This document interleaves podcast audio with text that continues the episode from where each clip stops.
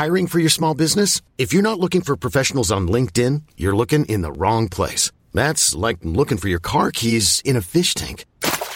LinkedIn helps you hire professionals you can't find anywhere else, even those who aren't actively searching for a new job but might be open to the perfect role. In a given month, over 70% of LinkedIn users don't even visit other leading job sites. So start looking in the right place. With LinkedIn, you can hire professionals like a professional. Post your free job on linkedin.com slash achieve today. It's that time of the year. Your vacation is coming up. You can already hear the beach waves, feel the warm breeze, relax, and think about work. You really, really want it all to work out while you're away. Monday.com gives you and the team that peace of mind. When all work is on one platform and everyone's in sync, things just flow wherever you are. Tap the banner to go to Monday.com. There's never been a faster or easier way to start your weight loss journey than with PlushCare. PlushCare accepts most insurance plans and gives you online access to board-certified physicians who can prescribe FDA-approved weight loss medications like Wigovi and Zepbound for those who qualify.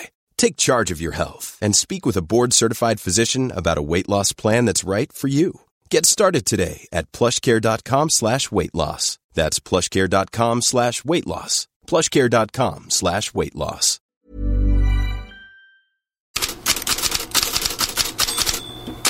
God morgon! Idag kan ni på engelska sportettor läsa stora rubriker som A bad way to lose och To lose the plot. För det var vad Liverpool gjorde borta mot Toulouse i Europa League. Delinga! Well, they're not ruling that one out. The top scorer has found the net for the fourth game running. And just as he did at Anfield, 3-2 slutar matchen överraskande och Jürgen Klopp var efteråt irriterad när presskonferensen flyttats till ett tält där man stördes av skrålande Toulouse-sång utanför. Okay. So you have to ask really loud. Eh? I don't understand the word otherwise. I don't understand him. So that's really a challenge for you now, Chris.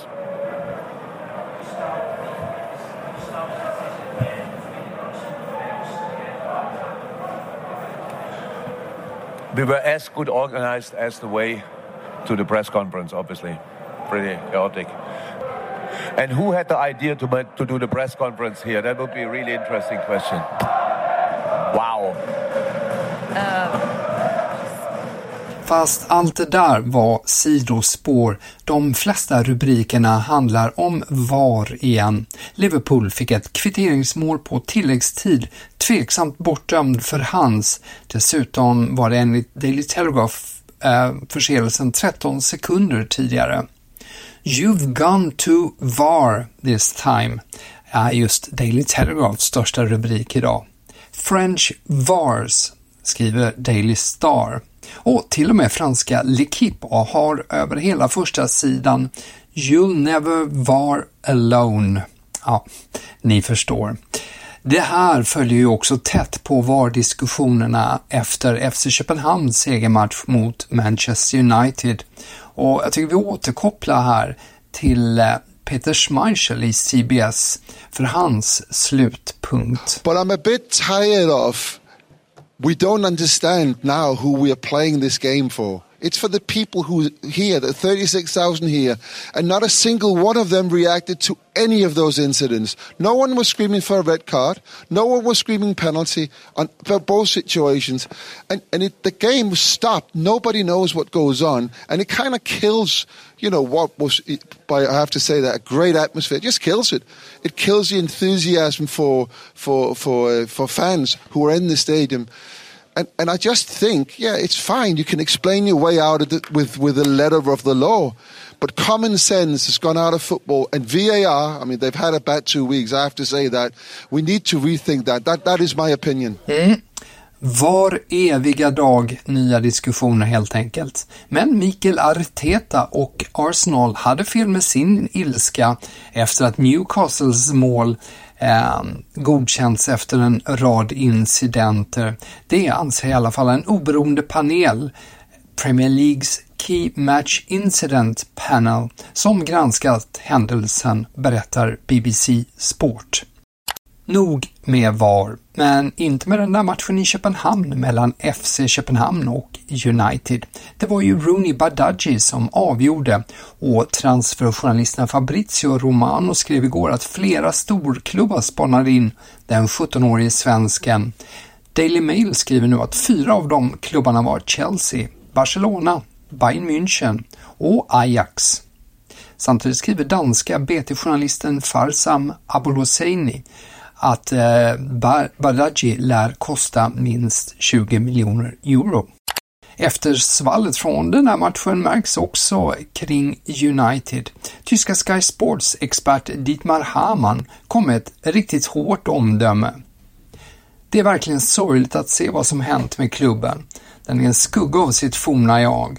Arenan håller på att rasa samman, laget är värdelöst, så man kan bara tycka synd om fansen. Så sa alltså Dietmar Hamann.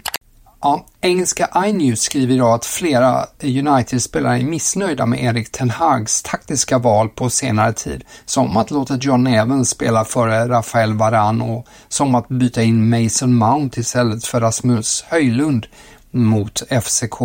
Men eh, Ten Hag har fortfarande omklädningsrummet med sig, skriver iNews. Och Sky Sports påpekar igår kväll att Ten Hag, han sitter säkert. Bortanför mängden av VAR och Europaresultat är det silly season som kniper rubriker idag.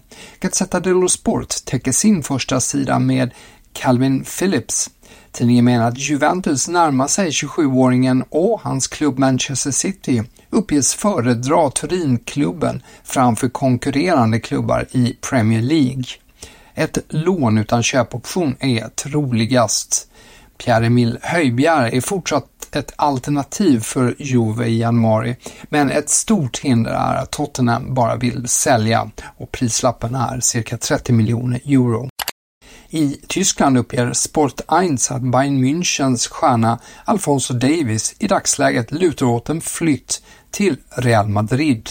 Den spanska klubben är i kontakt med hans rådgivare och Real Madrid ser ju kanadensaren som en drömlösning för vänsterbackspositionen. Bayern München vill förlänga kontraktet med Davis, men diskussionerna ligger på is. Hans nuvarande kontrakt går ut 2025. Ja, med det här önskar jag trevlig helg och på återhörande på måndag.